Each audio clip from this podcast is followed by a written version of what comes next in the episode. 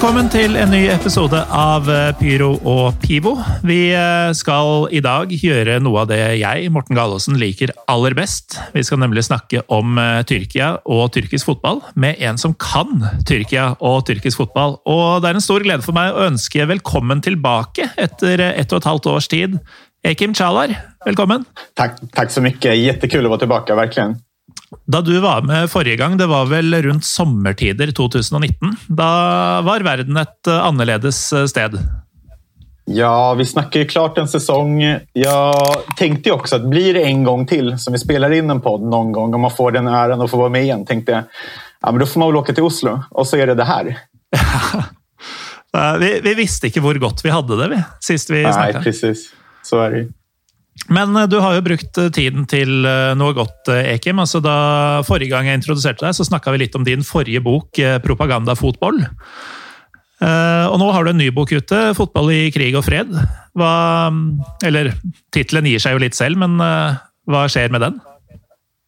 Ja, alltså det är de mest extrema exemplen som är fotboll i krig och fred. Men den behandlar verkligen de frågorna från de sista hundra åren skulle man kunna säga. När fotbollen vävs in i olika typer av samhällsprocesser i väldigt olika delar av världen också. Så den täcker liksom, ja men, alla de stora fotbollsländerna skulle jag vilja lova och väldigt många exempel från olika länder också där fotbollen bidrar till ibland konflikter eh, men i många andra fall också ja men, eh, någon typ av eh, dialogbygge, fredsbygge och där fotbollens både fördelar och nackdelar när det gäller i olika samhällsprocesser försöker tas upp på ett ja, men balanserat sätt, på ett rättvist sätt för att göra fotbollens kopplingar till samhället ganska tydlig, fördjupad eh, och kanske ja, men ännu mer fördjupande upplysande än vad propagandafotboll var som var mer ja, enskilda aktörer, hur de har uttryckt sig politiskt, spelare, tränare. Så handlar det här mer om så här längre samhällsprocesser som identitetsskapande, vad till exempel arenor kan ha för eh, olika plats i människors nationella myter, hur man uppfattar spelsystem, men också hur fotbollen kan bidra till mångfald. Eller att man blir allmänbildad av att kolla på fotboll. Det känner vi nog alla igen, att man ser en, världen på ett annat sätt.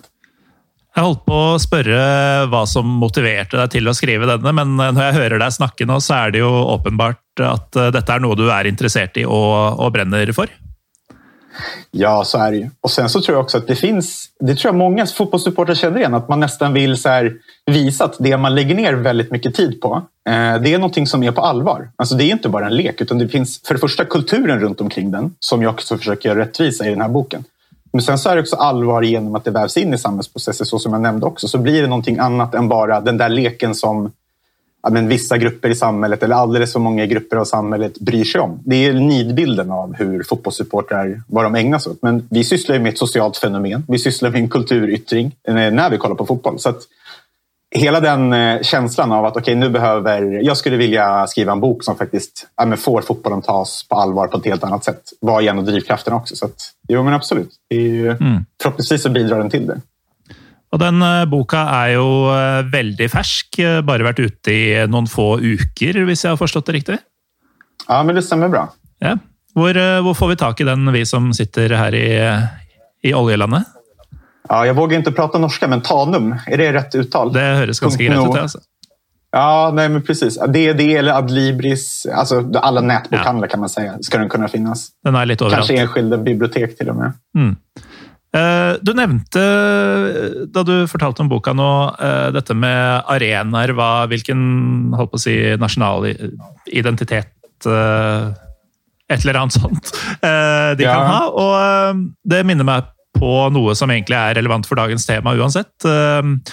Vår gode venn Erdogan han har jo hatt et lite korstog for hva, hva man skal kalle disse stadionene eller arenaene. Ja, precis. Du tänker på det här talet 2017 som han höll för partianhängare? Ja, altså at han, eh, han, er veldig Og her er jeg faktisk enig med han. Det er ikke så ofte jeg kan si, men at uh, man aller helst skal kalle, uh, kalle det for stadion, og ikke, ja. og ikke arena. Ja. Men uh, det... hvorfor, hvorfor, brenner han såpass for det? Ja, alltså det stora motståndet var ju mot, mot just arena, alltså ordet mm. arena. Sen att du ersattes med stadion, det var väl så idealfallet. Men i hans fall så handlar det väl väldigt mycket om att använda en arena. Alltså, nu använder jag ordet arena i en annan betydelse, men att använda liksom en sfär i samhället som alla kunde relatera till. Och det här måste ju förstås i den kontexten som det gjordes i också. Hans förklaring till att arena var ett problematiskt ord, det var att han drog liksom parallellen hela vägen tillbaka till antiken och eftersom det är ett latinskt ord så kopplade han det till gladiatorspelen. Så han sa ju någonting i stil med Ja, men ni vet ju vad som hände på de gamla arenorna när man tillät människor slitas i stycken. Så det var liksom ett sätt att visa på att väst har en historia eh, av bestialiteter, av aggressivitet. Och det var både ett, eh, vad ska man säga, ett inlägg i en redan pågående debatt. Han var i konflikt med väldigt många europeiska regeringar under den här tiden, alla olika medlemsstater. Mm. Det var Nederländerna, Frankrike, eh, Tyskland, jag tror till och med kanske Italien. Eh, under bara några veckor så var det väldigt många sådana här olika typer av utspel. Och det här var ett sätt att visa på att okej, okay, Europa, ni pratar väldigt illa om hur situationen med demokratiska fri och rättigheter ser ut i Turkiet, men glöm inte vad ni själva har för historia. Så det var hela liksom den bakgrunden. Och det var också ett sätt naturligtvis att tvätta över det dåliga rykte som han har fått. Med rätta fått, ska man säga mm. också. Så att liksom, i en handvändning försöka lösa det. Och det gick ju snabbt. Alltså, det vart ju resultat direkt. Ja, det, det blev det. Um, vi, har jo, vi har jo ganske mye Vi har diskutert litt i forkant hva, hva som er verdt å snakke om uh, i dag. Og det er jo uh, Det er relativt tidlig i sesongen fortsatt, uh, Ekim, men vi ser jo en trend for denne sesongen også. Ja.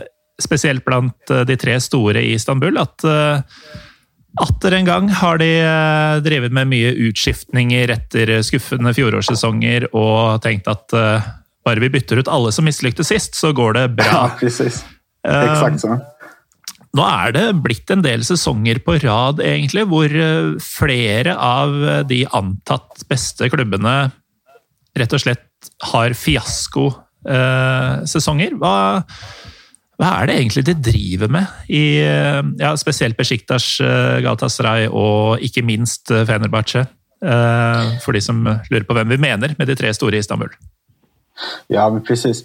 Problemet har ju varit att man inte har långvariga projekt som håller. Alltså antingen så har man någon typ av vision där man säger att de närmaste två, tre åren kommer vi göra så här och det här kommer leda till den här typen av resultat. Ofta så har det handlat om storslagna satsningar så att man ska kunna men, värva stora namn. Det har ju alltid varit Turkiets grej. Och stora mm. namn i Turkiet är ungefär andrahandssorteringen i Europa, gärna plus 30 spelare som ja, folk nästan ser ner på. Men i Turkiet så slår det högt. Ofta så funkar det väldigt bra med den typen av värvningar. Sen slår vissa väl ut. Som, ja, men, det bästa exemplet är väl Hadji. När kom han? 1995 eller 96 till Galatasaray ja. och bar upp laget i väldigt många år. Mm. Det finns några sådana exempel till. Men de flesta blir ju fiaskon.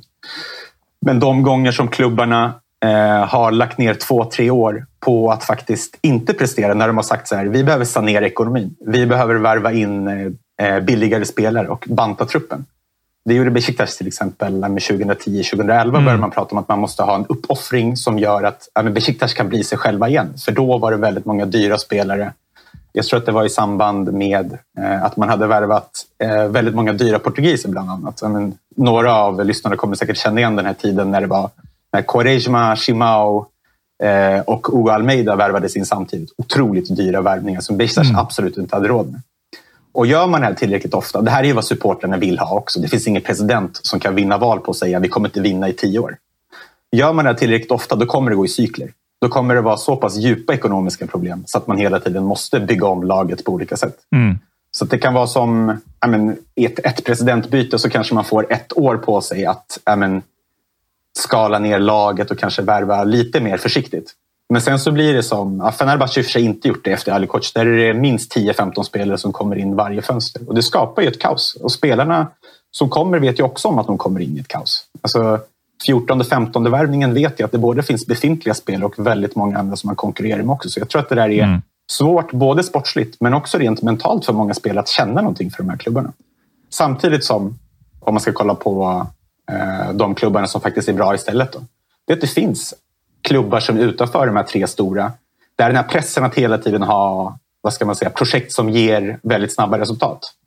Där de eh, kraven inte finns och då kan man prestera på ett annat sätt. Başakşehir är ett sånt och Başakşehir kommer vi säkert in på senare också. Det handlar inte bara om att de har ett sportsligt projekt. Där finns det en politisk ekonomisk sida som också är intressant att diskutera. Mm. Men så har vi klubbar som Alanya Sport som har ett sportsligt projekt, projekt som har funkat under men ett par år. Och det har också funnits tidigare. På 90-talet pratade man ju väldigt mycket om Gençlerbirliği, Gaziantepspor, alltså klubbar i Anatolien som faktiskt var väldigt duktiga på att hitta med sin nisch. Och då handlar det om scouting till exempel. Ja, og vi, vi, kan jo bare nevne det med en gang at vi kommer til å bruke uttrykket Anatolia antagelig noen ganger. Med det så mener vi rett og slett den asiatiske delen av eh, landet. Exakt. Um, men altså, tilbake til de tre store. Det er jo litt sånn uh, Og dette føler jeg egentlig at vi snakka om for ett og et halvt år siden også. Ja. Med litt sånn de samme spørsmålene som hvorfor lærer de aldri? Hvorfor fortsetter de å falle? Fordi, uh, ja. som du sier um, Fenerbahçe har jo henta 10-15 spillere i hvert vindu flere ganger på rad nå. De har bytta trener hver sommer i fire-fem år. Um, og gjerne da også uh, bytta ut vedkommende i løpet av sesongen. Ja. Det, det, ironiske her er jo at den gangen som du sikter til, som Besjiktas måtte rydde opp i økonomien og bygge på nytt igjen, ja, ja, så gikk det jo inn i en uh, altså Etter litt justeringer så hadde de jo en suksessbølge på et par-tre år hvor de var desidert best i, i Tyrkia. Og virka som den ene av de klubbene som hadde knekt kodene og forstått ting. For så bare hoppe ut av det sporet igjen som hadde skaffa dem suksess. Exakt. Och det är det som är problemet. är så här, Du tjänar för lite på lång sikt för att kunna vinna. När Besiktas såg att man kunde vinna något år med den här strategin så är det precis som du säger också. Man lämnade strategin och började återigen med de här dyra, dåliga värvningarna där man inte satsade under hela den här vägen. Så satsade man också väldigt lite på akademin som gjorde att det inte fanns någon återväxt av spelare som kunde komma inifrån som också skulle vara Alltså att själva driften skulle vara billigare. Mm. Men så började man med många värvningar, man började sparka tränare och då hade man liksom redan lämnat och satsat för att gå långt i Champions League, vilket man gjorde något år. Liksom. När var det? 2017? Mm. När man började få sådana ambitioner. Men problemet är att när de andra siktar väldigt högt och när de andra spenderar väldigt mycket pengar och när klubbarna också är lite grann, för att ta den andra sidan, varför är de så dumma? Jo, för att de tillåts vara så dumma också. Det finns ett koncept som är hela den här too big to fail-grejen också. Och det existerar i Turkiet. Alltså, politiker är ju livrädda för att de här klubbarna är väldigt hårt skuldsatta. Alltså jag skrev det i något reportage med, eh, när det gällde Başakşehir's ekonomi så räknade jag ut att de totala skulderna för något år, för två, tre år sedan, var lika stor som Gambias BNP. Och det här var bara de fyra största klubbarna. Och det här är ju för att man litar på att det alltid finns någon som kommer att köpa ut den. Alltså någon som kommer att lägga om lånen till exempel som Erdogan gjorde. Så att de enormt stora banklånen med räntorna som liksom kostar lika mycket som några stjärnspelare varje år. De såg ju staten till, regeringen till att man kunde lägga om eh, så att klubbarna skulle hållas på fötterna ett tag till. Och det är det man litar på nu också. Det är därför vi ser de här väldigt dyra värvningarna även under en pandemi. Mm. Så att man är livrädda för att om den ena klubben inte, om Fenerbahce inte satsar Eh, då kommer Besiktas och Galatasaray gå om. Då kommer det ta 10-20 år att ta igen det. Så det är någonstans förbundets och eh, någonstans också politikernas fel att klubbarna faktiskt inte blir smartare än så här. Ja, för de får ju lite eh, de får ju liksom lov att göra vad de vill. Um, detta med att de har stor gäld, det är ju absolut inte något nytt. Det har jag hört om i, i alla år jag har följt uh, turkisk fotboll. Egentligen.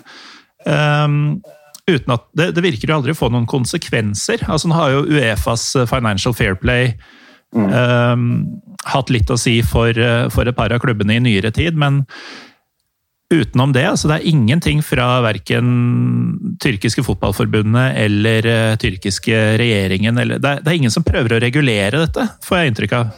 Og da Nei, blir det en evig så, spiral. Ja, så är det ju. Och det har ju delvis också att göra med att de här klubbarna är Alltså man pratar i termer, termer av ett civilsamhälle. Alltså, Turkiet har i perioder haft ett starkt civilsamhälle. Just nu är det inte så starkt för att det är politiskt styrt och de delarna av civilsamhället som är ja, väldigt frispråkiga gentemot regeringen, ja, men de råkar ut för en total repression.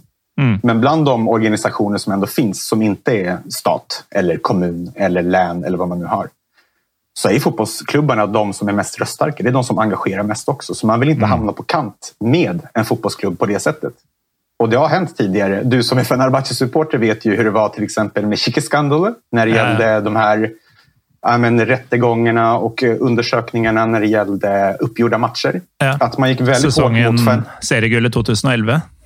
Precis. Eh, och hela den... Alltså, det såg ut som oppositionell kraft att gå runt i Kadıköy 2011-2012 när supporterna faktiskt visade sitt missnöje. Det var de största då demonstrationerna som var regeringskritiska. Mm. Och det var inte bara att man stödde den dåvarande klubbpresidenten som sattes i fängsligt förvar. Det handlar ju väldigt mycket också om att man var trötta på att så som man själva såg det. Att Fenerbahce råkade ut för en repression som andra inte råkade ut för. Man såg det som en politisk markering. Ja. Och det där är ingen kritik som man vill ha.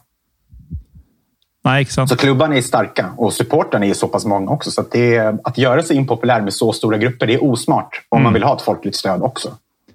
Ja, og um, altså hvis vi trekker det litt lenger, da, så har du jo Gezi-protestene hvor uh, supportere fra de tre rivalene gikk, uh, gikk, i forkant for å beskytte vanlige folk mot, uh, mot politiet. Altså du så folk i Besjiktas, Galatasaray, Fenerbahçe-drakter sammen for, ja, for, å beskytte vanlige mennesker. Og, og, i det så ser du jo også litt av den symbolske kraften disse klubbene har. da.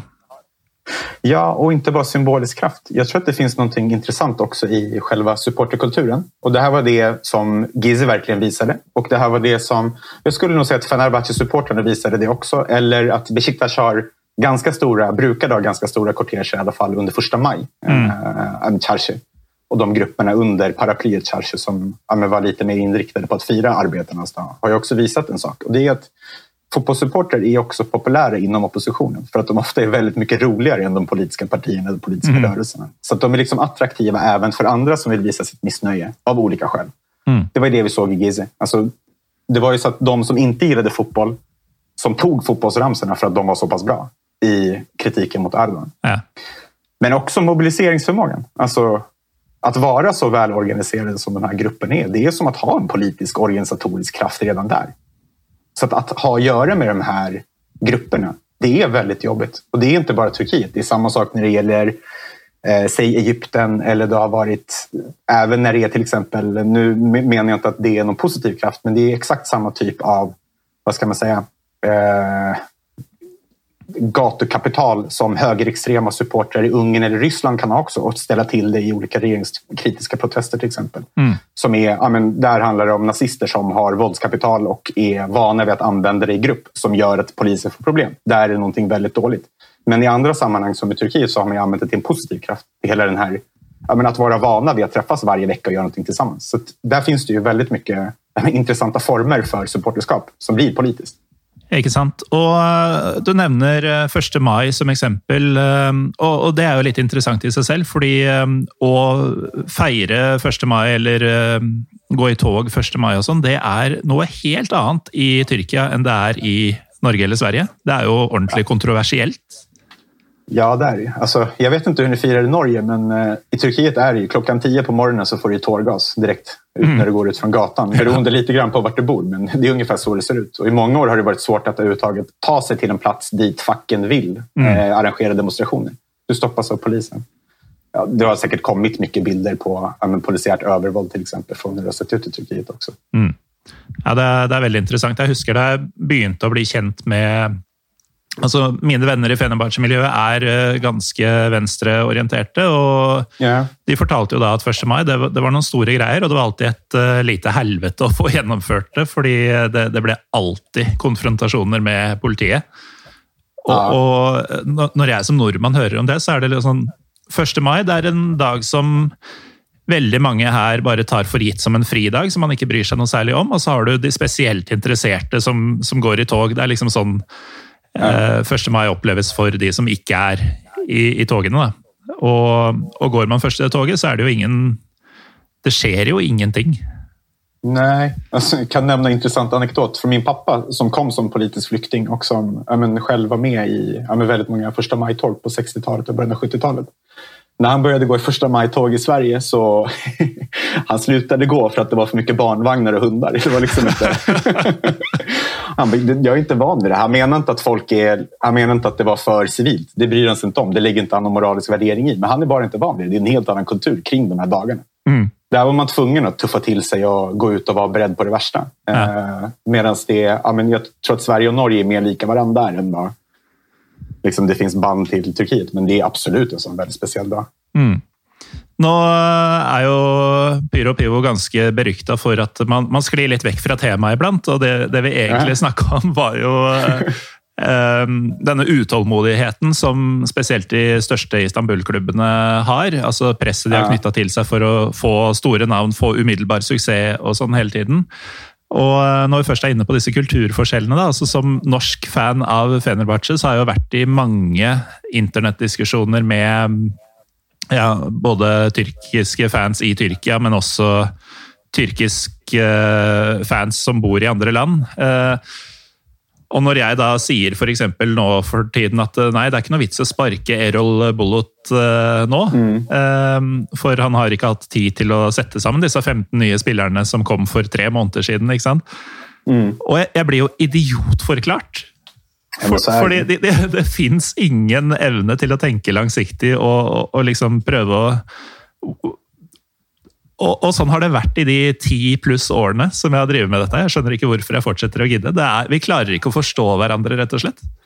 Du måste känna dig jätteensam när du sitter där vid datorn. alla, alla hatar kollektivt på den där. Och så, de är väl vana vid det där också. Mm. Just det nicknamet. Att ja. det kommer med den typen av... Men kan inte ha att göra lite grann med... Alltså, om man jämför fotbollskultur. Jag tror att Norge och Sverige är till lika varandra också. Mm. Eh, för att kunna jämföra med Turkiet på ett bra sätt också. I att, alltså att förlora en match i Turkiet, folk drivs ju till att ta självmord i hur man driver med varandra. Alltså, mm. Det är en helt annan typ av mobbning, det är en helt annan typ av glidningar. Och folk är så pass mycket inne i sina klubbsympatier också. Så att vi kan, om man själv inte har de sympatierna till exempel, eller har en blick som är, okej okay, vi kan, en förlust gör inte ont på samma sätt dagen efter. Alltså det är alltid lättare på distans till exempel. Men eh, om man är mitt uppe i det, då tror jag att man själv är väldigt glad över att ha en säg 33-årig alldeles för dyr anfallare som kan avgöra ett derby men som sen kan kosta väldigt mycket pengar. Mm. Eller sparkar den där tränaren så kanske man får in två poäng extra den här säsongen. Det spelar ingen roll om det kostar 100 miljoner liksom, mm. lire eller kronor eller liksom, 100 miljoner euro det där kortsiktiga, det är, liksom, det är inte bara någonting som klubbledare gör för att de inte kan se någonting. De vet att supporterna kräver. Och jag kan förstå varför supporterna kräver också. Det är vidrigt att förlora i Turkiet. Man vill inte vara en förlorarsupporter i Turkiet. Nej, det, det vill man verkligen inte.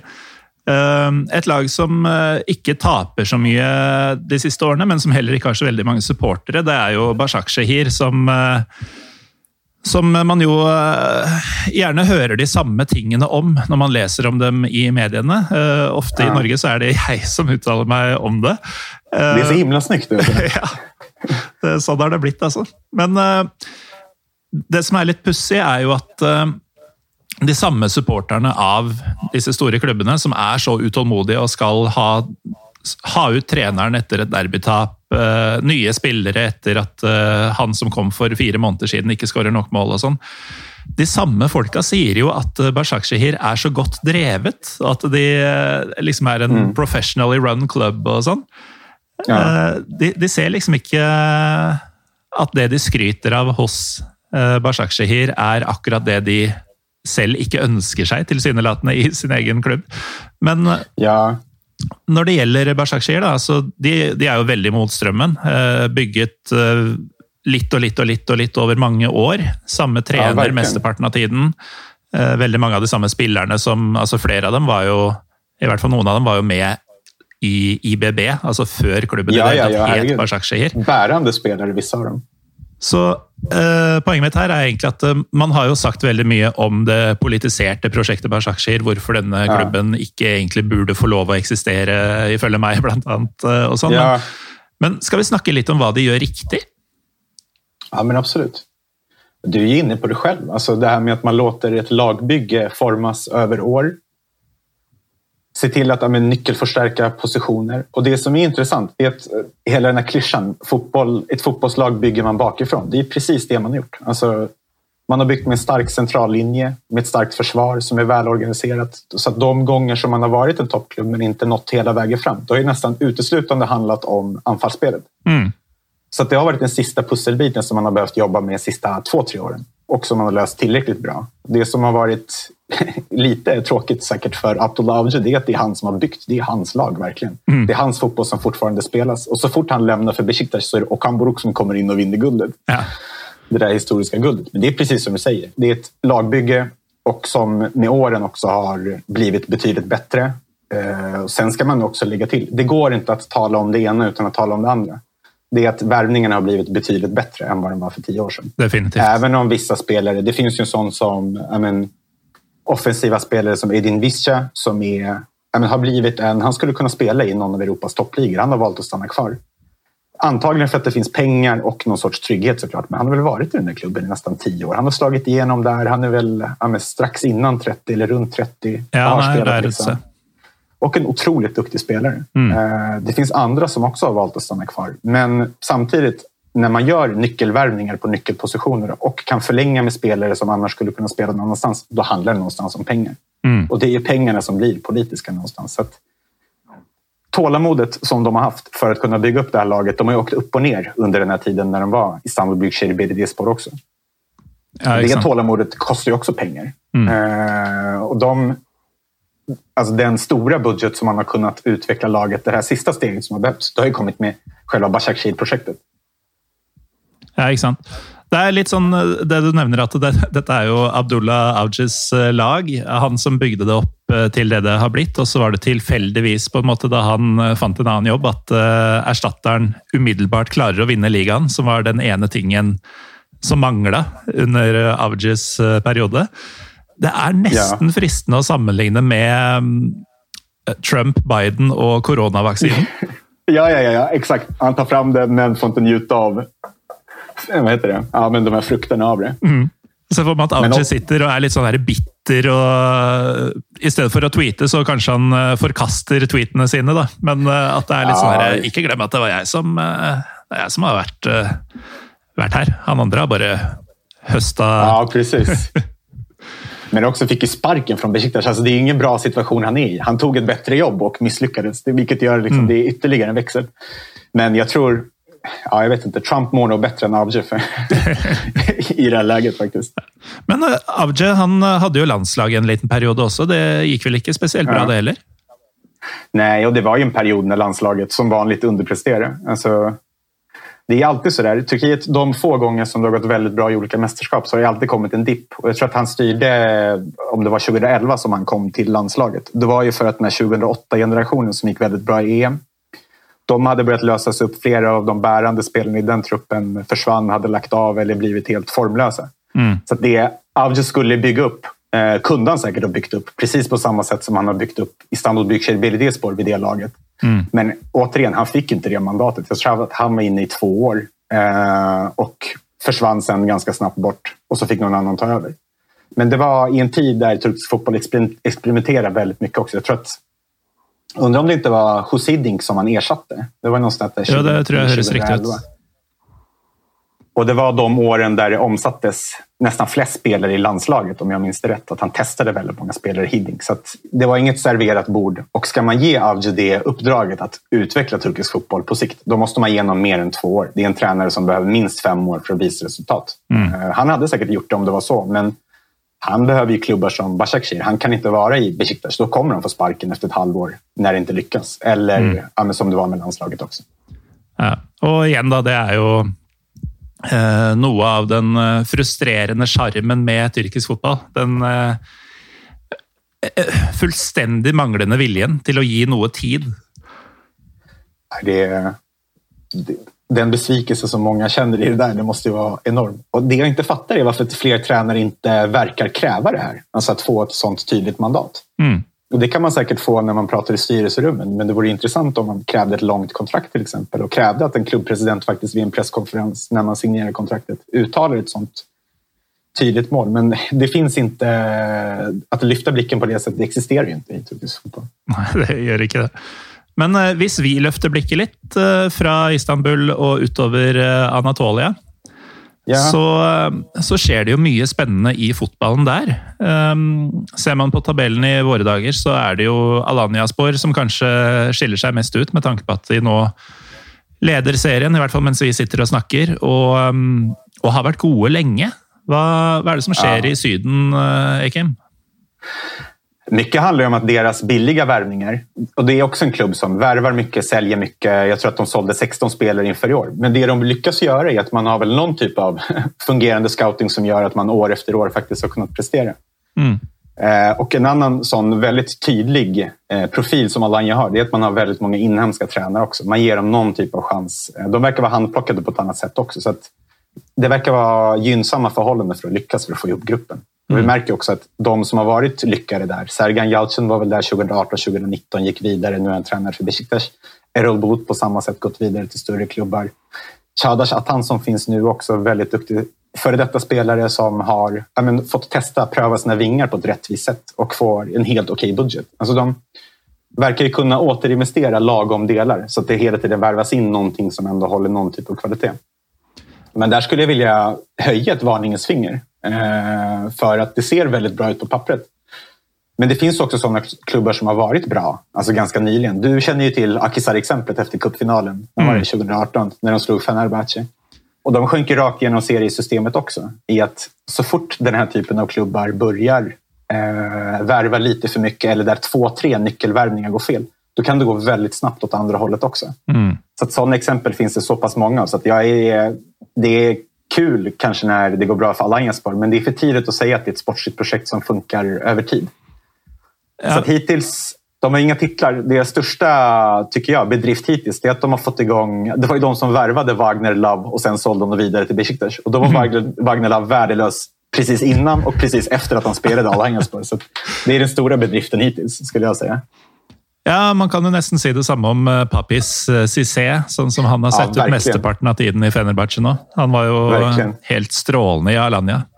Ja, men så var det uh, Och hade ju varit avskrevet av hela världen uh, i flera år för det, men uh, det är inte nödvändigtvis så att Alanya är en succéhistoria. Vi må, må ge det lite tid, skjønner jeg, for å se hvor, hvor dette faktisk ender. Selv om på kort sikt så ser det väldigt bra ut. Men Hvis vi, hvis vi da nevner f.eks. litt mer nøktern eh, klubber som Gøsteppe og Malatiaspor, da. Som, som, har vært oppe i et par, tre-fire år nå, begge to, og som har klart seg ganske bra. Lukta litt mm. grann på europaliggplasser. Um, litt sånne ting. Det, det, er jo også klubber fra, fra, denne delen av Tyrkia. Nå er jo Ok, vi, vi, må jo poengtere det at når vi sier Anatolia og denne delen av Tyrkia, det er jo den aller, aller største delen av landet. Så geografisk så er jo Göztepe og Alanya vidt forskjellige steder, f.eks. For men, eh, ja, virkelig. men vi tenker da egentlig utafor Europa, utafor Istanbul, da, når vi sier Anatolia. Ja. Det är okej okay att bunta ihop, det gör man i Turkiet också. mm, ja, ikke sant. Men uh, eksempel disse to klubbene de har jo um, klart å ha en slags suksess over en periode nå, selv om vi snakker om sjuendeplasser, ja. åttendeplasser og sånn til slutt. Men uh, hva, hva kan vi si om dem? Det är att det finns intressanta projekt. Men sen så är det också så att några klubbar måste ju, om det finns många klubbar som faller rakt genom seriesystemet och sådana har vi sett väldigt många också, så kommer det finnas väldigt många klubbar som kanske inte har någonting jättelångsiktigt, jättebra sportsligt som ändå kommer att hamna ganska långt upp. Mm. Så att jag tror att man måste titta på lite grann handlar också om vilken infrastruktur som finns runt klubbarna. Vilka typer av sportsliga projekt som finns runt klubbarna och vilken potential de har på sikt att överleva pandemin. Det är fortfarande någonting vi kan prata hur mycket som helst om de här sakerna, men om pandemin drar ut för långt på tiden. Nu har det varit väldigt mycket bråk om tv-pengarna också, att man på grund av pandemin kommer att behöva minska den här kakan mitt under innevarande avtal om jag förstått det rätt. Mm. Så kommer det här kunna påverka de här klubbarnas sportsliga projekt också. Så av de två, båda är precis som vi säger, de har varit lyckade för att vara den typen av klubbar. Men av dem så är, eh, skulle jag nog säga att Gustep har störst potential och det beror delvis på att man har väldigt mycket hängivna supportrar där den här typen av krav som vi pratade om tidigare inte har funnits. För Gustep har underpresterat under väldigt lång tid. Mm. Alltså, de har en vinnarkultur från men, tidigare decennier. De var en bra klubb för 50 år sedan, för 40 år sedan. När de kunde samla väldigt mycket folk och ha en del framgångar. Spela en del i Europa också. Men sen dess har de ju varit nere i andra, tredje divisionen. Så folk är väldigt glada för vart de är. Så det finns liksom en positiv anda kring klubben även om det skulle gå ganska dåligt ett eller två år. Sen har de en ny jättefin arena som också kan göra att om vi får publik så har de både en röststark klack, engagerade supportrar och eh, en hemmaplan som faktiskt kan skrämma väldigt många andra motståndare. Så det är liksom en fördel som de har gentemot klubbar som Malatyaspor som är mer men, relativt nystartade klubbar i en visserligen en fotbollsstad men där det inte finns samma men, infrastruktur kring eh, och kultur kring klubben som kan göra att de på sikt också blir väldigt intressanta tror jag. Mm. När du säger en röststark eh, klack eh, i förbindelse med Gözteppe så tror jag folk ikke helt skjønner hvor stor og røststerk den kan ehm, når, ehm, når vi en gang får tilskuere igjen, da. Og dersom Göztepe og Karsiaka, eh, disse to ja. Izmir-klubbene, skulle eh, Kan ikke du fortelle hvor drøyt det kan bli?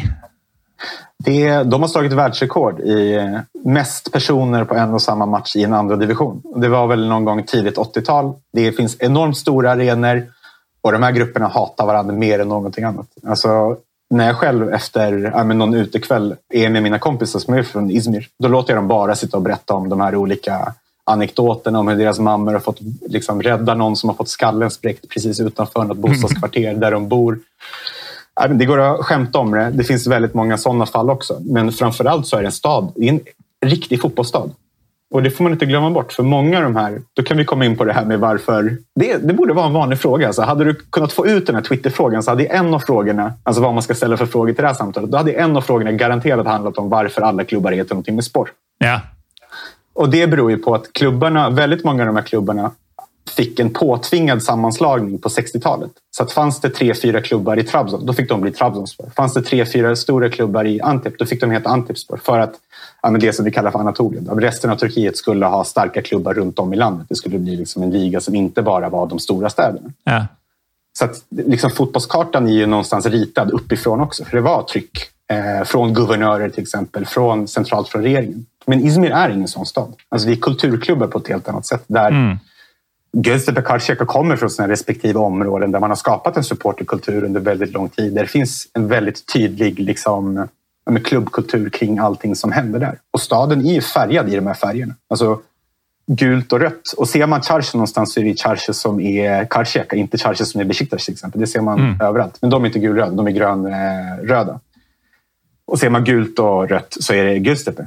Och det finns väldigt många områden där de här flaggorna vajar överallt. Och så finns det en tredje klubb som också är relativt populär men som glöms bort för att de har varit sportsligt dåliga med Altaj. Som ja. är svartvita, som har också haft en jättefin arena, väldigt mycket supporter. gör att det där är en väldigt levande fotbollsstad. Och jag skulle säga bland liksom bortglömda städer, bortglömda fotbollsplatser där det borde finnas tusen museer om allting som hänt genom åren. Alltså vi har klubbledare som har dött när de har hållit tal på kongresser tror jag när det gäller eh, Altaj tror jag det har varit. Där personer, den här efternamnsreformen som skedde när Turkiet blev en republik, då var det många som döpte sig till sina klubbar för att de älskade sina klubbar så mycket. Mm. För många av de här fotbollslagen var ju, de här föreningarna var ju bildade före republikens bildande 1923. Mm. Så att det har från starten varit en sån kultur och den kulturen lever vidare. Så Göztepe är ju på så sätt sprunget ur den här enormt rika fotbollsplatsen.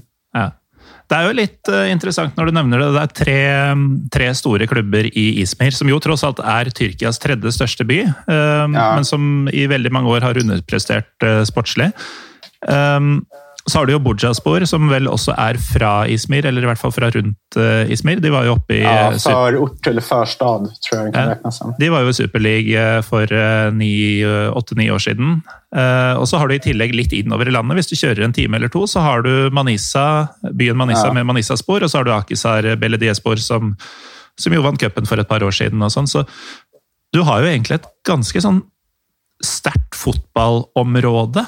Uh, kunne hatt det, i hvert fall men som ja. det är väldigt sällan att mer än ett lag lyckas eh, om gången.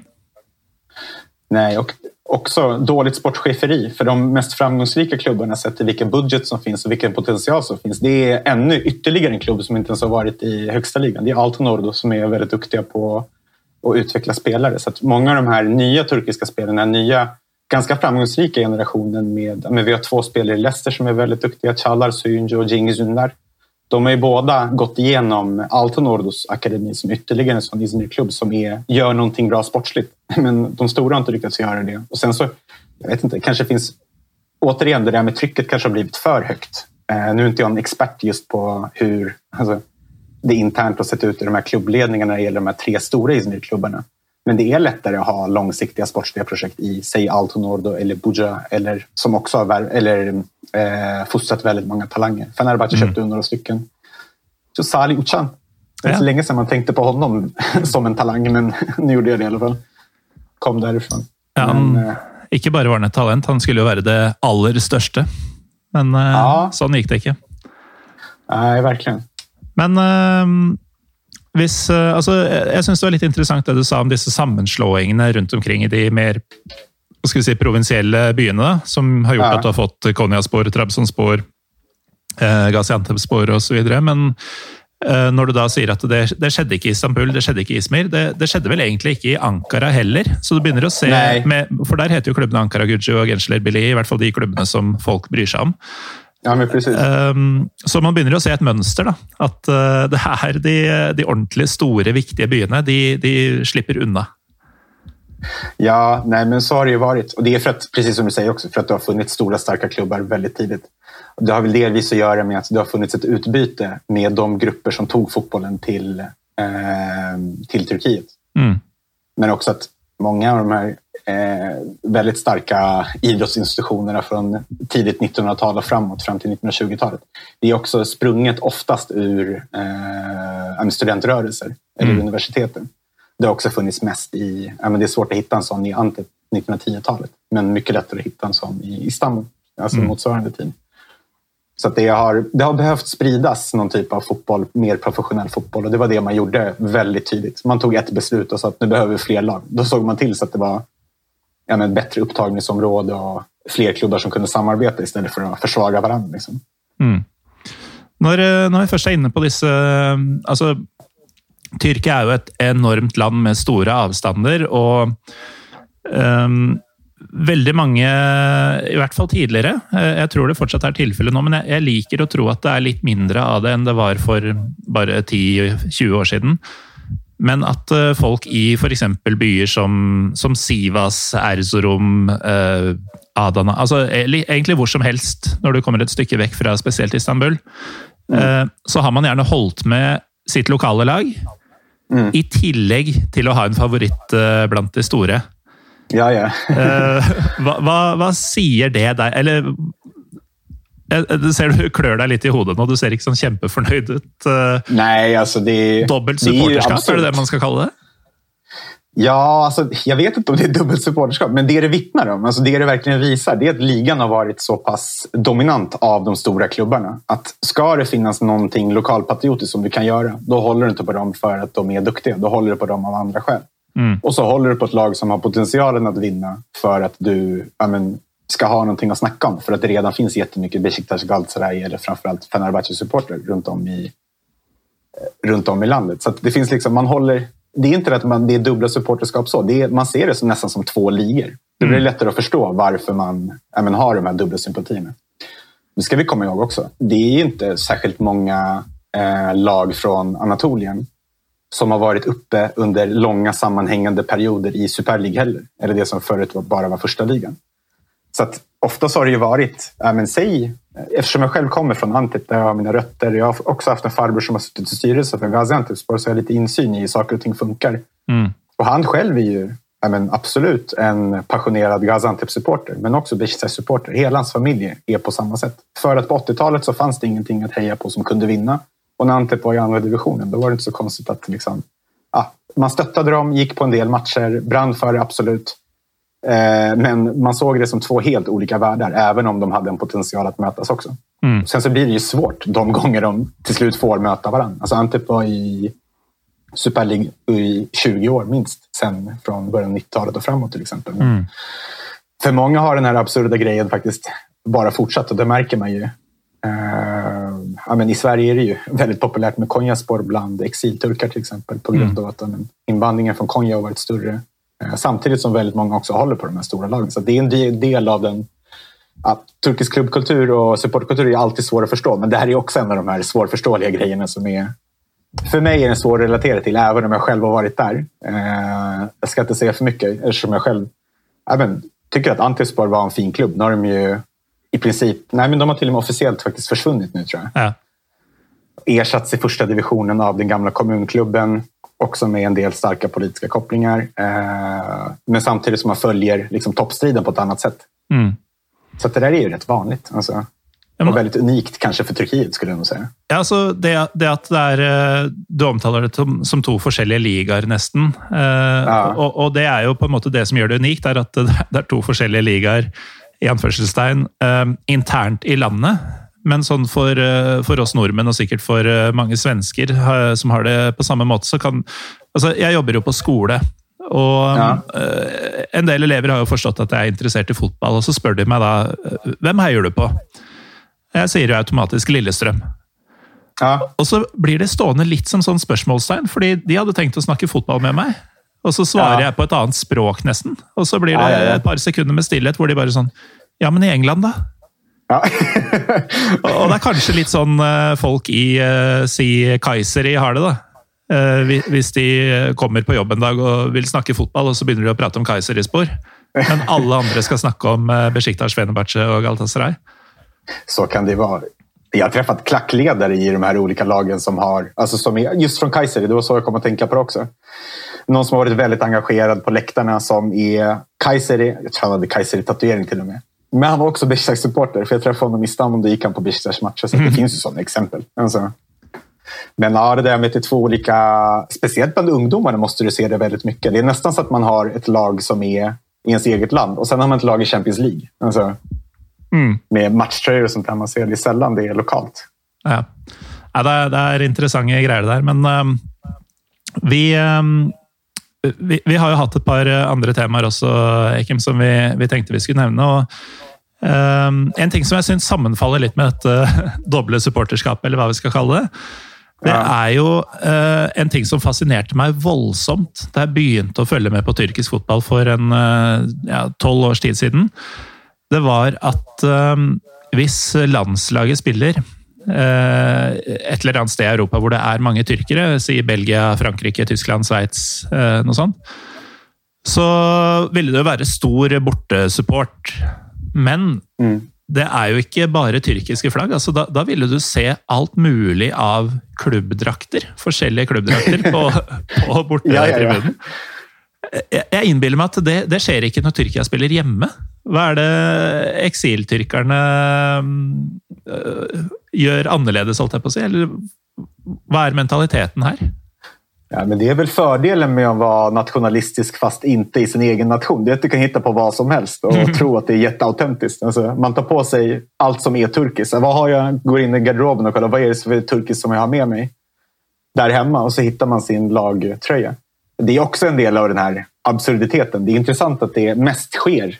Jag har inte sett det vara lika vanligt i andra länder. Alltså jag har sett någon Peñarol, liksom flagga eller banderoll eller tröja Uruguay-klacken men inte så att liksom, klackens färg verkligen avviker så pass mycket som Mm. men en turkisk läktare kan göra. Eller så här, I Argentina så ser man ju också att någon har Rosario, eller någon har Boca, någon har River. Mm.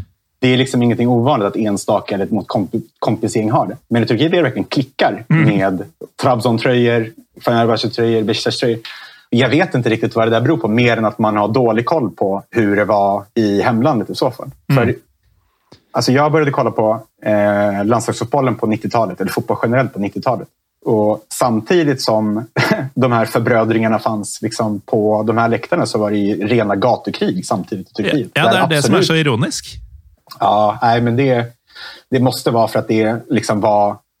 Just att det var exilen som var så här, ja, men vi tar med oss det som är turkiskt. Vad har jag som är turkiskt? Det hade lika gärna kunnat vara, inte vet jag, liksom, ah, någonting. Det, påminner, det påminner om ett annat fenomen som jag också har funderat på lite grann, som inte har så mycket med fotboll att göra. Men det är de som gillar både Recep Tayyip Erdogan jättemycket och Atatürk jättemycket. Mhm. Som i Turkiet skulle vara så här, man kan göra det för syns skull för att man respekterar två personer som är men, politiska ledare som har haft mycket makt och man vill inte kanske göra sig ovän med det ena eller andra lägret. Men det är liksom inte helt friktionsfritt att tycka att någon med rötterna i islamismen och att någon som är supersekulär liksom ska gå att kombinera. Men jag har träffat väldigt många sådana personer runt om i Europa, mycket i Sverige också, där man verkligen går all in för att jag älskar båda. Jag tycker att båda är enorma politiska ledare. Och det blir också så här att nästan allt turkiskt, bara det verkar vara stort och starkt och kan vinna, då kommer jag heja på dem. Men sen, ah, det där blir också en fråga om... Det, jag vet inte om det är mindre vanligt idag, men är det mindre vanligt idag så skulle jag nog nästan tro att det där med landslagströjan, om vi går tillbaka till den där vi började, så tror jag att det där delvis kan ha att göra med att det kanske var svårt att få tag på merchandise alltså på säg 90-talet. Så ville du ha något fotbollskopplat, då var det kanske inte så konstigt att man hade lagsympati eh, liksom, delen att luta dig tillbaka mot. Sen så vet, det blir fortfarande absurt. Det är liksom, tvättar inte över det faktum att det ser väldigt konstigt ut med tanke på att hade du gjort samma sak i Turkiet så hade någon åtminstone riktat en kommentar. Du hade inte blivit slagen för det, men någon hade säkert kommit med en glidning. Men det är den enda vettiga förklaringen jag kan komma på. Att man hade ingenting annat att ta med sig. Altså, jeg, eh, sette det litt i perspektiv, da, så Ja altså, nå, nå, er det ikke noe nytt for de som hører på at det er anstrengt forhold mellom supportere av de forskjellige tyrkiske klubbene, men jeg var på Fenerbahçe Besjiktas i 2012. Hvor Fenerbahçe vant 2-0 i, i Kadekøy. Og jeg hadde hotell, eller hva det var jeg bodde på, på europeisk side. Eh, I nærheten av Taksim, som jo ikke er langt fra Besjiktas. Og ettersom ehm, Fenerbahçe hadde vunnet det derbyet, så sa fenervennene mine til oss at uh, vi måtte mm, vi måtte dekke til skjerfene, T-skjortene og sånn før uh, Altså gjemme det godt før vi dro tilbake til den europeiske siden. For uh, bare det å gå rundt i gatene med noe blått og gult etter, et, etter en derbyseier på feil side, det, det, det fraråda de virkelig. da. Så kan det jo være at de selvfølgelig var ekstra beskyttende fordi vi var gjester i landet og byen deres og sånn, men, men såpass, såpass, ille er det jo. At uh, hvis feil folk ser eh, feil farger etter feil resultat, så, så smeller det. Ja, herregud. Og så altså, samler de seg liksom i forskjellige sånn, klumper på samme tribune. Det er jo galskap. Ja, det är det verkligen. Det finns en kultur av att ha gjort det. Alltså, på 60-70-talet var det faktiskt, i samma land där det var så himla känsligt att blanda supportergrupper, så var det faktiskt vanligt på 60-70-talet att man inte hade väl avskilda klacksektioner. Så folk satt ofta tillsammans. Ofta spelar man ju på samma arena också. Alltså gamla, mm. gamla versioner av Innu har ju hetat lite olika saker också. Men när det hette till exempel Mithat Pasha, som var det föregående namnet, Mithat Pasha-eran så att säga, eh, och innan det Dolmabahce, så var det väldigt vanligt att det inte fanns någonting som var klacksektion. Alla spelade sina matcher där, alltså i vissa perioder och där supporterna satt tillsammans. Så det där är liksom så här, egentligen så är det en del av den gamla läktarkulturen. Mm. Men det är absolut inte en del av 80, 90, 00-talets läktarkultur och det är absolut inte så som det ser ut nu heller. Nej, sant. Um, når, du, når du først er inne på det med, med gamle dager altså veldig mange på min alder da, ehm, fikk jo høre veldig altså Man fikk jo veldig mye fordommer mot uh, tyrkiske supportere i forbindelse med Leeds i Istanbul, uh, knivstikkingen der og sånn. Men uh, når du snakker om 80- og 90-tallet Det var jo altså geriljakrig mellom flere av supporterne. Ja, och det är, jag vet inte hur mycket som är sant, men om man går på fotboll i Turkiet då är det alltid någon från den äldre generationen som drar alla rövarhistorier. Så är det ju väldigt vanligt. Alltså, precis som du säger, gerillakrig. De berättar ju om, alltså, nu har jag gått mest på Besiktas-matcher av förklarliga skäl, men hur man låg och lurade i Şairler Park, som är den här jättefina parken som är mellan stadsdelen Besiktas och arenan. Som är, ja, det ligger väldigt nära varandra, men den ligger precis där. Där har man alltid matchsamlingar också. Mm när man väntade på motståndarsupportrar när de skulle köpa biljetter eller de skulle åka på bortabussar. Hur man, ja, här, att det var någon idiot som rökte en cigarett. Men så här, vi var ju som soldater, där får man inte röka cigaretter. För då var det den som angav oss någonstans. Som de motståndare kunde se att det fanns en liten glöd. Alltså så som de berättade så var det ju väldigt disciplinerat. Mm. Man var tvungen att vara disciplinerad också med tanke på det extrema våld man riskerade att möta annars. Ja, för extrem våld var eh, er i hvert fall det man har hørt historier om. Eh, det var, ja. det var disse bakholdsangrepene du snakker om. Det var eh, mye mer kniv og våpen og sånn enn det heldigvis har vært i nyere tid. Ja. Eh, men det er virkelig sånn at når jeg, når jeg er i Istanbul og treffer på noen av de eldre kara, da da er jeg klar for å høre hva de har å fortelle. For det, det er ofte ja, ekstreme greier. Ja, det är det verkligen. det finns ett generellt våldsproblem. Det är därför jag inte vill kalla det för ett fotbollsproblem. Det finns ett generellt mm. våldsproblem när det gäller ja, men, det som har varit mest känt. Det är väl de här ja, men, helt absurt. Nu kallar vi det kebabknivar. Också så här, typisk mm. 90-talsgrej. Men det är långa svärd alltså, som man attackerar varandra med. Ja. Man bara delar ut det till olika... Ja, men så här, ja, här kommer han med kebabknivarna. Vilka ska ha? Vilka ska vara med och attackera? Sånt där har man hört väldigt mycket om. Det finns ju bildbevis på det som visar att det är sant. Jag har inte sett det för att det tack och lov verkligen har försvunnit så som det ser ut i alla fall. Mm. Jag har inte sett något exempel på det. Några på 00-talet, kanske Ankara men i övrigt så har det varit lugnt, men så som det berättas. Alltså, det är någonting annat än att gå på fotboll och vara ganska, vad ska man säga, passionerad ultra och vara beredd på det värsta eller kanske möta tårgas eller vattenkanon. Det här är ju, ja, men det är precis som du säger, det är något typ av krig alltså som man förbereder sig på. Mm. Men det, det vi egentlig snakka om nå, var jo landslaget. Ja, ja. Var det det, da? Ja. Um, og du nevnte det litt tidligere, Ekim, at um, det er liksom korte perioder med suksess uh, for mm. landslaget. Og det spiller ikke så stor rolle hvor mye talent fins i troppen uh, til enhver tid og sånn. Det er liksom Nå for eksempel har jo Tyrkia et av de bedre lagene, på papir i hvert fall, enn de har hatt på, på lenge. Og um, får det liksom ikke helt til. Hva er det som gjør at landslaget ikke presterer over tid? Er det litt den der samme korttenkte Istanbul-mentaliteten vi snakka om tidligere, eller er det noe annet? Det har ju aldrig funnits Återigen, alltså sportsliga projekt det är någonting som man kan sportchefa sig fram med. Alltså att ha en klubbkultur, man har en kassa där man kan köpa spelare in och ut. Men samma sak fungerar också för ett landslag. Så det är precis som du säger också. Talangen har alltid funnits där och jag tror att så som det berättas i alla fall. Jag såg inte jättemånga 90-tals eller 80-talsmatcher 90 minuter långa. Jag har inte kollat på dem i efterhand. Jag var alldeles för liten då och har inte kollat i efterhand. Men så som folk berättar så har ju alltså den mest talang, de mest talangfulla generationerna har ju funnits på 80-talet. När man förlorade med, med 7-8-0 mot England flera gånger. Liksom. Så att det problemet har ju funnits att man överhuvudtaget inte kan omsätta det till eh, resultat. Och det som hände 2002 när man kunde omsätta det till resultat, det är att det fanns en stomme som bestod av en klubbgeneration. Mm. Eh, och det är den här generationen som spelade mycket tillsammans i ungdomslandslagen och som var delvis i alla fall baserad på några nyckelspelare från Galatasaray och så kunde man ja, smycka det med ett par spelare från de andra lagen. Säg Ryshdy i målet. Men sen så var det ju väldigt mycket Hakan Şükür-generationen, Bülent i försvaret som var samspelta.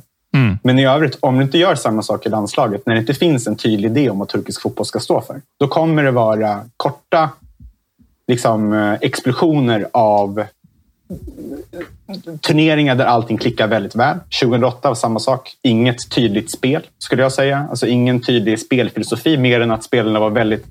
De kämpade livet ur sig och hade väldigt många talangfulla spelare. Det var när Arda var som intressantast. Alltså ja. när han började komma fram. Vi hade Nihat som hela tiden var oberäknelig. Ryshdy spelade sin sista väldigt bra period som målvakt och då vet vi att han var en världsmålvakt. När han var bra så var han riktigt bra. Mm. Så när allting klickar, och det kan det göra, alltså, även en trasig klocka visar rätt tid två gånger om dagen-grejen. Så har det ju varit med turkisk fotboll också, att man inte har ett spel. Eh, det finns inget tydligt definierat spel som ska fungera, som finns i ungdomslandslagen. Vad jag kan se och vad liksom all vad ska man säga, landslagserfarenhet visar. Så att, ja, på 90-talet funkar det för eh, då fanns det samspelta generationer. 2008 funkar det väldigt bra, 2002 funkar det väldigt bra.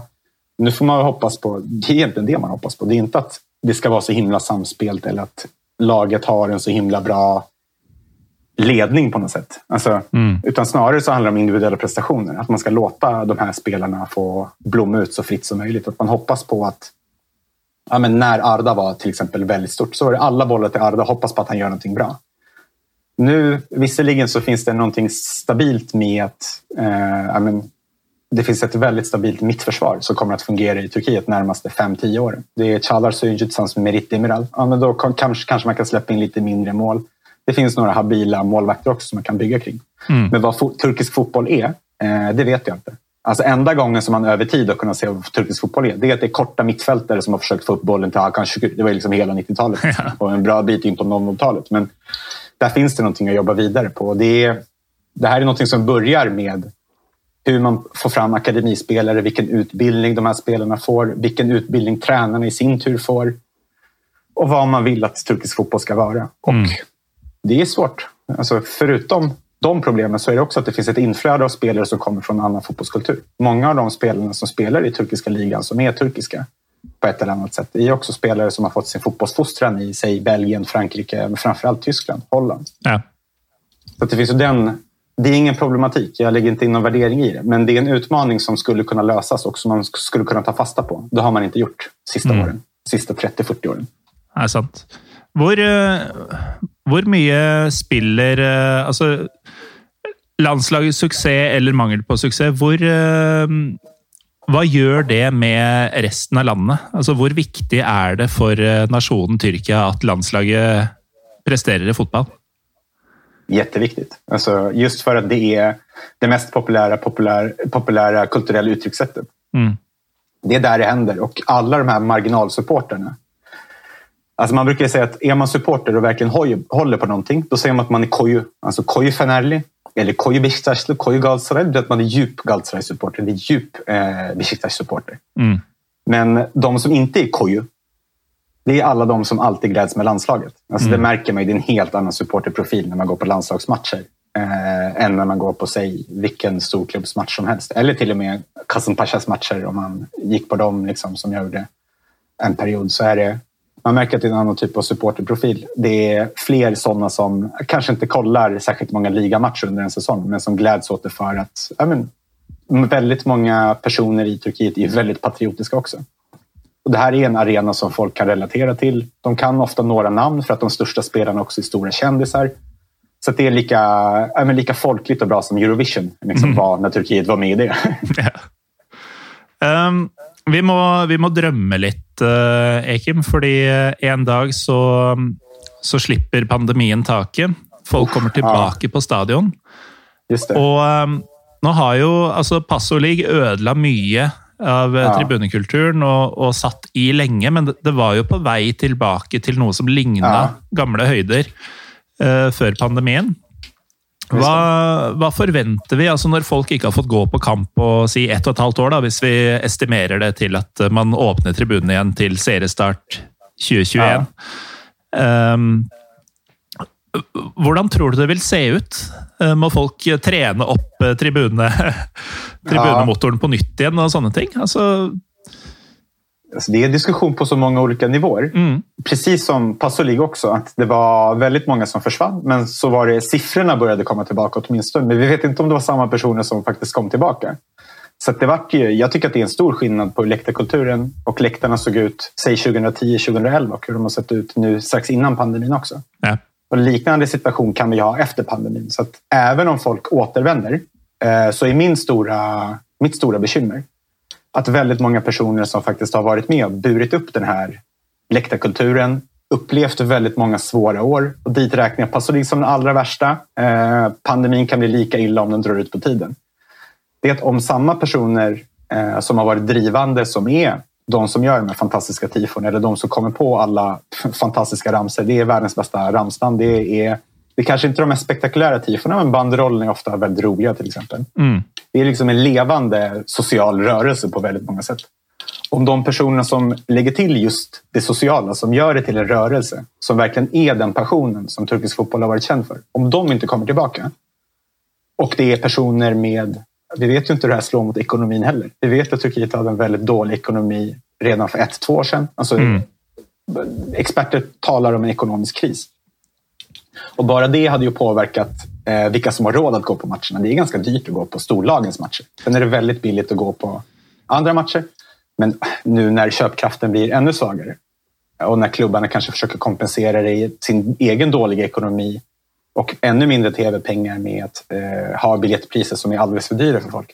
Då kanske vi har ja, ganska många personer på läktarna men som en helt annan supportertyp, mm. supporterprofil.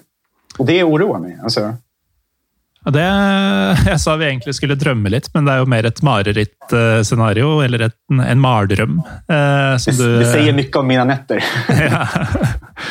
ja, men det, det, er jo skummelt og litt sånn eh, Litt overførbart til en frykt mange av oss eh, har om eh, norske tribuner når dette slipper taket, da, er jo at eh, det, vi var jo ikke bortskjemte i Norge med altfor høye tilskuertall før mm. pandemien heller. Uh, at uh, det å gå på kamp i Norge var liksom noe ja, som er litt mer for de spesielt interesserte lokalpatrioter og, og, og sånne ting. Mens veldig mange sin fotballinteresse tilfredsstilles av å se Premier League og Champions League på TV, f.eks. Mm. Og frykten her er jo at når folk da har hatt et år, kanskje et og et halvt år, vi vet ikke hvor lenge dette varer, hvor det har blitt mm. vant til å ikke gå på stadion, hvor det mm. liksom har blitt en naturlig greie å se laget sitt på TV i stedet. Fordi det er den mm. muligheten vi har hatt i 2020.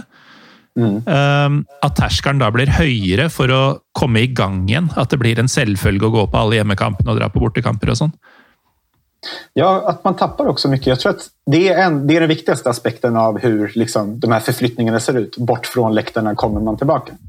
Mm. Men jag tror att många, eller jag kan känna det själv. Alltså, det lag jag följer i Sverige som har haft säsong ganska länge nu, det är IFK Göteborg till exempel. Alltså det tar emot mer och mer att kolla på dem på tv också. För det första så är det för, och vi pratade lite grann också om liksom derbyn i Turkiet inför eh, det här samtalet. Det är samma sak där. Att till och med eh, alltså det här med uppförsbacken till att börja titta på eh, tv-matcher har ju också blivit högre för att det inte finns publik. Mm. Det finns inte den intensiteten som man är van vid. Och det i sin tur, jag kommer gå på matcher för att jag tycker att det är en alldeles för bra grej. Jag kommer gå på matcher utan samma passion, utan samma inramning som det har varit tidigare också. Men det finns väldigt många som kommer tappa, inte bara det här med att gå på matcher, men också att sluta kolla på fotboll på tv, tror jag. Alltså. Mm. Ja, altså jeg ser mye mindre fotball nå som det er tomme tribuner, enn uh, jeg gjorde tidligere. Uh, jeg ser på en måte de lagene jeg Altså, jeg, jeg ser Lillestrøm og jeg ser Union Berlin. Og ja en sjelden, sjelden gang så ser jeg en stor kamp som jeg ikke holder med noen av lagene. Men, ja. men det er jo, det er jo dritkjedelig uten eh, rammene. Ja, det är som en ganska bra träning. En träning med hög kvalitet. Alltså, ja. Mycket mer än så är det inte. Och vi kommer ju glömma bort, det här är ju parenteser som vi ser. Och jag tror att man är någonstans undermedvetet vet vi om att alla de här säsongerna kommer räknas som halvsäsonger. Ah, ja, ja, det var de som vann det året, men det var ju en pandemisäsong. Mm. Jag tror att det är så vi kommer se på allt det för det känns verkligen inte som att det är på riktigt någonstans. Det är surrealistiskt att följa det. Mm. Jag är helt enig med dig. Jag upplever det också så. Och det, eh, det är ju också lite fristande att tänka så att eh, många av resultaten vi har sett detta året eh, har varit mer eller mindre en konsekvens av pandemin. Eh, ja, og, og, det kan gå begge veier. Altså, I Norge så har jo Bodø-Glimt uh, vunnet serien mm. overlegent. Just det. Um, og så kan man jo da altså, Misforstå meg rett, norske lyttere. Bodø-Glimt har vært desidert best i norsk fotball i år, og kanskje det beste laget vi har sett i norsk eliteserie noensinne. Men det kan hende at For dette er et lag som ikke er noe publikumslag. De er ikke vant til noe trøkk på hjemmebane og sånn. Ehm, det kan hende at de faktisk har hatt en fordel av at alle stadion, altså borteturene og sånn, har føltes litt mer likt som å spille hjemme. At eh, det at det er like mange tilskuere omtrent uansett hvor du drar, det gjør at eh, forskjellen mellom de forskjellige stadionene viskes ut litt. Trøkket blir mindre. Ehm, Bodø-Glimt tradisjonelt et veldig godt hjemmelag, ikke så godt bortelag. Vunnet omtrent alt på bortebane også i år. Ehm, Og så kan du også ta det andre veien, da, at um, et lag som, uh, som Fredrikstad nå, nå, er det veldig sært for deg, Ekim, men det er, Nei, men det, er det, det er, en by med masse trøkk. En klubb som har vært nede i divisjonene i, i mange år. Uh, ja. Veldig press på seg. De har endelig klart å rykke opp til andre nivå. Tilfeldigvis i en sesong hvor de ikke hadde uh, masse folk på tribunene. At det kanskje kan ha hjulpet dem igjen. så uavhengig av hvor fantastisk fotball Bodø-Glimt har spilt, hvor bra Fredrikstad har vært i sin divisjon osv., så, videre, så vil det alltid på en måte henge noen spørsmål om denne ekstraordinære situasjonen har hatt en finger med i spillet. da. Det har det ju verkligen. Alltså, du borde ju veta det. Besiktas vann ju här om veckan mot, för första gången på 15 år på bortaplan mot Fenerbahce Derby. Mm. Ja, ja, gratulerer förresten. Ja, trevligt. Ja, nei, det var ikke noe trevelig i det hele tatt. Jeg husker jeg så lagoppstillingene før den matchen og tenkte at fy faen, for et, eh, for et grått og kjedelig lag Besjiktas har nå. Det her bør bli ganske lett match. Men ja, eh, det var jo festfotball fra, fra dine gutters eh, side. Ja, enorm kämpainsats. Och sen, man ska aldrig räkna bort ett lag som Atiba Hutchinson i första elvan. Alltså, otroligt fin spelare. Ja, Finaste han, som har funnits i Besiktas. Han har blitt litt sånn eh, Mr. Besiktas. Han. Jeg vet at kona hans også er utrolig populær blant uh, supporterne. Ikke, yeah. ikke nødvendigvis pga. lettkledde bilder og utseende, og sånn, men bare fordi de to har blitt en institusjon i klubben.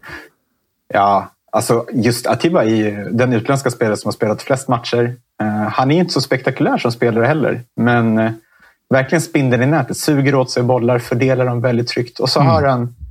Alltså hans familj har ju också visat väldigt tydliga sympatier på sociala medier. Så det har liksom funnits ett band mellan dem. Och sen så, något som är väldigt populärt, populärt bland Besiktas-supporter det är att han har skickat en första maj-hälsning och gratulerat alla arbetare på första maj. Då blir man mm. extra populär i Besiktas såklart. Så det, Ja, Tiba är, han är en modern legendar i klubben, absolut. Ja, han, eh, han, er vanskelig å mislike, rett og slett. Um, men eh, jeg sa i stad at vi skulle prøve å drømme litt fram til uh, bedre tider, og så mislyktes vi fordi det ble veldig mørke drømmer. Ja, förlåt. Det var, Men, det var mitt fel. uh, det bygges jo litt stadioner rundt omkring. Ja. voldsom modernisering av anleggene rundt omkring i Tyrkia. og mm, F.eks. i Adana, har du sett det nye stadionet de, de er i ferd med å ferdigstille der? Ja, det har varit mycket skämt om hur designen ska se ut och sånt där. Men ja, otroligt fint bygge. Men ja, väldigt, ja, en del av den här nya vågen. Det är verkligen ja. arena byggartider i Turkiet. Ja, det er litt sånn template-feeling over det. At uh, ja. du, du, har sett selve stadionbygget uh, mange ganger tidligere. Men altså, for det første så skal dette stadionet deles mellom de to klubbene. Adana Spor ja. og Adana Demirspor. Ja. Um, Sistnevnte også ganske 1. mai-relevante, kan man si. Kan lyssna på förra avsnittet om man vill veta mer. ja. ja, vi har snakka om dem vi. Uh, men det jeg syntes var kult, var at de hadde jo um, et slags mønster i setene. Altså, nå er det jo sånn at det, det bytter jo farge ved midtstreken, så de har fått hver sin halvdel, på en måte. Uh, det ser jo ganske dust ut, men ja. det, det, var litt sånn Mønsteret med hvitskjærene i hovedfargen. Det så nesten ja. ut som det sto i flammer.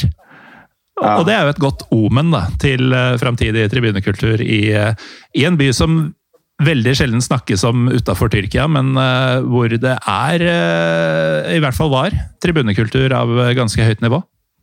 Ja, jo, men absolutt. Otrolig. Altså, prater vi kulturstäder, fotbollskulturstäder med flera lag som bidrar till den, så ja, den är lite nyare, men absolut på så sätt en intressant stad. Och det har ju skämtats om, nu när du nämner de där flammorna, så har det också skämtats om att det är så het mat i staden. Så att mm. det ska symbolisera det någonstans också. Ja, sant. Ja, for, eh, de som har vært på tyrkiske spisesteder, har jo helt sikkert uh, sett Adana kebab på menyen. Og jeg håper at dere også har uh, valgt Adana kebab fra den menyen, for det uh, en av mine favorittretter fra, fra grillen, i hvert fall. I, i det tyrkiske kjøkken. en av ganske få sterke retter, for så vidt. Det er liksom en eh, litt sånn utbredt, eh, feilaktig eh, fordom at mat fra Midtøsten-området skal være spesielt sterk, men akkurat Adana kebab den kan det være trøkk i. Ja, och det är inte själva kebaben som är, alltså egentligen, den är kryddad på så sätt så att den ska vara stark. Och så är det mildare varianten Urfa. Men det är framförallt tillbehören som är super, super starka också. Alltså, mm. Tycker du att Adam är stark, då ska du få en riktig sivruver. Ja. Som är grillad. Och du vet, Det är som att gå på en mina. Man vet ju inte liksom vad det är för typ av styrka förrän du börjar äta på den. Mm. De här eh, paprikorna. Mm. Men en stark Adam är ju stark såklart. Det är också alltså, mitt uh, absolutt uh, favorittkebabsted i världen av det jag har varit på. Aha. Det er eh, Durum Sade i, ehm, i Beolo, altså i Taksim-området i Istanbul. Ja. Åpen 24 timer. Det er jo fett, bare det. Men um, ja. spesialiteten der er Adana kebab. Uh, jeg pleier å kjøre en dobbel, så du får sånn juicy kjøtt i hver eneste bit. Og det de ja. har, er uh, sånne små glass med veldig små, sylta, tynne chilier. Ja. Usikker på hvilken type, men de er kanskje fem centimeter lange og veldig tynne. Ja. Og jeg dytter dem ned i selve rullen og får det også med i hver bit. Og de er så jævlig sterke! Ja, Susviber, tror jeg de heter. Mm. Ja, de Altså, der kan du snakke mine, altså. De, de kan være helt ekstreme. Och man tror ju just att de är syltade, man tror att det ska ta bort lite av styrkan. Det är precis tvärtom. Alltså. Men det verkar som det bara drar det fram. Ja, nej. Det är otroligt vad folk jag klarar sådana, men det finns ju liksom ännu starkare varianter. Eller folk som kör dem där på löpande band. Mm. Jag förstår inte hur man kan tycka att det där är gott efter ett tag. Lite grann, det kan jag uppskatta, men nej. Just sus finns folk som drar i sig en hel låda. Liksom. Ja, nej, det, det går ju inte an. Det måste ju vara som ett tillbehör till något.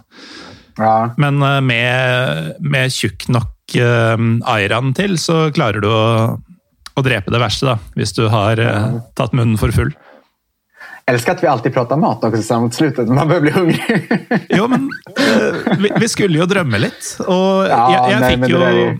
jag skulle ju ta med um, Mora mi ble, ble, 60 år i maj och jag och ja. lillesøster skulle ta med henne till Istanbul som 60-årsgave. Ja. Det gikk jo til helvete pga. pandemien. Men uh, i flere måneder, så, og nå er det, akkurat nå er det litt over tre, tre år siden sist jeg var i Tyrkia. Jeg uh, savna det jo allerede da. Og i flere måneder så var det jo klart at vi skulle på denne turen, og jeg hadde begynt å forberede meg på uh, alle de tingene jeg ikke hadde gjort på et par år, som jeg skulle gjøre. og det, Mye av det handler jo om ting man skal spise og ting man skal drikke. Og så ble det tatt vekk fra meg. Så nå jeg, jeg, bruker mye tid på å tenke på spisesteder i, i Tyrkia. Som, ja, eh, Googla mat, tenker jeg tenker meg. Googla mm. matbilder. Ja, det blir det. Det gikk til og med så langt at uh, i sommer så fant jeg Hamsi i frysedisken på sånn innvandrersjappe i Oslo. Ah. Og, og, lagde rett og slett Hamsi tava.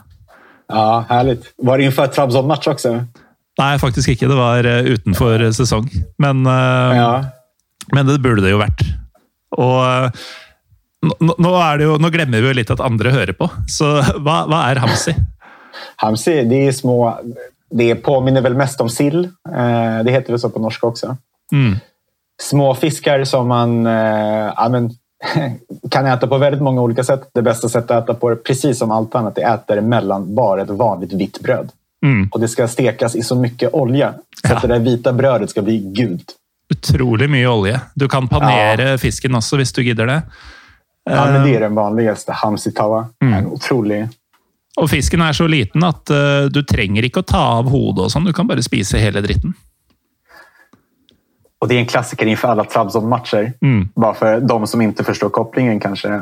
För att den eh, finaste, ah, det är en av de viktigaste näringarna eh, i Trabzon är just hamsifiske. Så det har blivit en grej att käka inför vissa matcher mot dem. just. Ja, for det er en, en sild eller ansjos eller eh, en sånn veldig liten type fisk som er eh, Den er vel unik for Svartehavet. Og ja, akkurat i den derre eh, østlige fliken av Svartehavet, der Trabzon ligger, der, der, vrimler det virkelig av hamsi. Ja, men absolutt. Hva er det du savner mest av mat fra, fra gamlelandet? Ja, det, är, det är verkligen Adana. Jag kommer ifrån det så kallade kebabbältet. Mm. som ligger, ja, men Antep, Adana i nästan som eh, ja, men grannstäder. Det finns också mycket eh, alltså, min familj har ju pistageodlingar så all mat och efterrätter med pistage är ju liksom extra speciellt också. Så att baklava med våra egna markers pistager, ja, det är någonting jag verkligen kan sakna. ja, för när du säger Antep så är ju det Gaziantep. Ja, eh, som da er hvis Lyon er den franske mathovedstaden, så er Gaziantep Tyrkias Lyon. Er det vel kanskje lov å si. Og akkurat pistasjenøtter heter jo bare Antep-nøtter på tyrkisk. Ja, precis. Jag tror att det är namnskyddat också, så det säljs i Europa som Antepfoster. Precis mm. som du säger, Antep-nötter. Som ska vara godare säger de. Jag håller ju med, men det kanske är av lokalpatriotiska skäl. Men, eh, eller för att jag har käkat våra egna nötter så pass länge. Men det är verkligen så. Många bra restauranger, rik kebabkultur. Men också, det är en mångkulturell stad, så det är en blandning av väldigt många olika matkulturer som, gör, som har varit en styrka. Ska vi vrida... Folk gillar att äta där. Ja. Skal vi vri dette litt over på, på, fotball igjen, så kom jeg plutselig på at uh, jeg syns det var ganske kult. Jeg hadde noen tweets uh, tidligere i sesongen om at uh, Hatay-spor um, De er jo i, um, i Superligaen nå. Er det for første gang, eller? Ja, jag tror det. Eh, inte helt säker, men 90 procent säker att det är första gången. Men alltså, Hatay är ju den regionen som eh, eh ja, historisk har eh, altså Det er veldig nært Syria, er det jeg prøver å si. Og, og jeg var ikke klar over at um, Jeg hadde noen tweets om at det var kult at de leda en kamp mot et eller annet bra lag. Ja. Uh, og at uh, kampen foregikk i praksis 45 minutters kjøring fra Aleppo eller et eller annet sånt. Mm. Uh, og så fant jeg ut at de spiller jo faen meg hjemmekampene i uh, Gaziantep. Ja. Det, det, var nedtur, men det betyr jo at det faktisk er to superligalag som spiller hjemme i Gaziantep for tida. Det er litt rart når selve klubbens stolthet, uh, Gaziantep-spor, ikke fins lenger. Ja, nej precis. Men eh, kan vi nämnas i sammanhanget, nu när jag ändå nämner Gaziantep och den Gaziantep fotbollsklubb som har tagit över. Det är ett det är en gammal kommunlag med färgerna blått och vitt. Jag tror de bildades tidigt 90-tal, slutet av 80-talet som många gamla kommunklubbar. Men de har ju liksom adopterat hela gamla Gaziantepspor-grejen. Så mm. färgerna är ju ändrade till svart och rött. Och de har tagit den här fågeln, shine, det är väl en falk motsvarande. Mm. Så att de har liksom snott hela klubbkulturen. Och alla, är, alla verkar ganska fine med det, vilket är ganska konstigt. Så att hellre Hatayspor i Antep än uh, Gaziantep fotbollsklubb i Antep faktiskt. Ja, för du ser dem som den eh, bastardiserade, falska Gaziantep-spåren som de är. Ja, men det är den moderna fotbollen. Mm. När den fina klubben har körts i botten eh, på grund av ja, men hela sportcheferidelen som vi inledde med. Den gäller ju för Gaziantepspor också. Mm. Men att ja, den nya klubben verkligen Ja, det er, supporteren någonstans. det er brød og sirkus til massene. Altså, så lenge de får superligafotball og navnet Gaziantep er representert, så, så kommer folk. Og ja. derfor gidder de. Ja, men verkligen. Sorgligt men sant. Dessverre. Og um, I en episode som har hatt mye tristesse, Ekim, så har vi kommet uh, til veis ende, som vi sier på norsk. Altså slutten. Ja. Um, takk for at du eh, var med. Og jeg vil jo igjen nevne at din väldigt veldig nye bok, Fotboll 'Fotball i krig og fred', er å finne på Tanum, Adlibris og de vanlige norske nettbokhandlene. Når ehm, pandemien slipper taket, så har du snakka om en Oslo-tur. Så folk som kjøper boka, kan jo slenge en beskjed i innboksen til en av oss, og så kan du signere når den tid kommer. Gärna. Men jag har ju skrattat mycket. Tack för samtalet. Jag har skrattat mycket. Det säger nog mycket att det är så här, mycket trista ämnen men att man skrattar åt det. Så det säger så mycket om mig själv. Så DMa, DMa bara om du vill ha någon som tycker att det är kul med så här, allvarliga ämnen och ja. sånt som är dåligt i samhället. Ja, det, det blir ju så. Um, vi eh, må nästan ge oss, men eh, uh, igen, uh, eh, tack ska du ha, Ekim Chalar, för att du var med från Sverige. Från barnerommet i huset, hvis jeg har forstått det riktig. Ja, sorgligt alltså att man ska behöva sno sexåringens rum. ja, men uh, du har i hvert fall drikket litt, uh, litt øl, da. Så, ja, ja, men absolutt. Ja, det er det man har uh, barnerom til, er det ikke det? Exakt. Komme seg litt vekk fra barn og kone. ta, ta, seg en pils. takk for at du var med, og um, lykke til videre. Jeg håper mange tar mitt ord og kjøper boka di. Og um, selv heter jeg Morten Galaasen. Vi er Pyro Pivopod på Twitter og Instagram. Vi høres neste uke.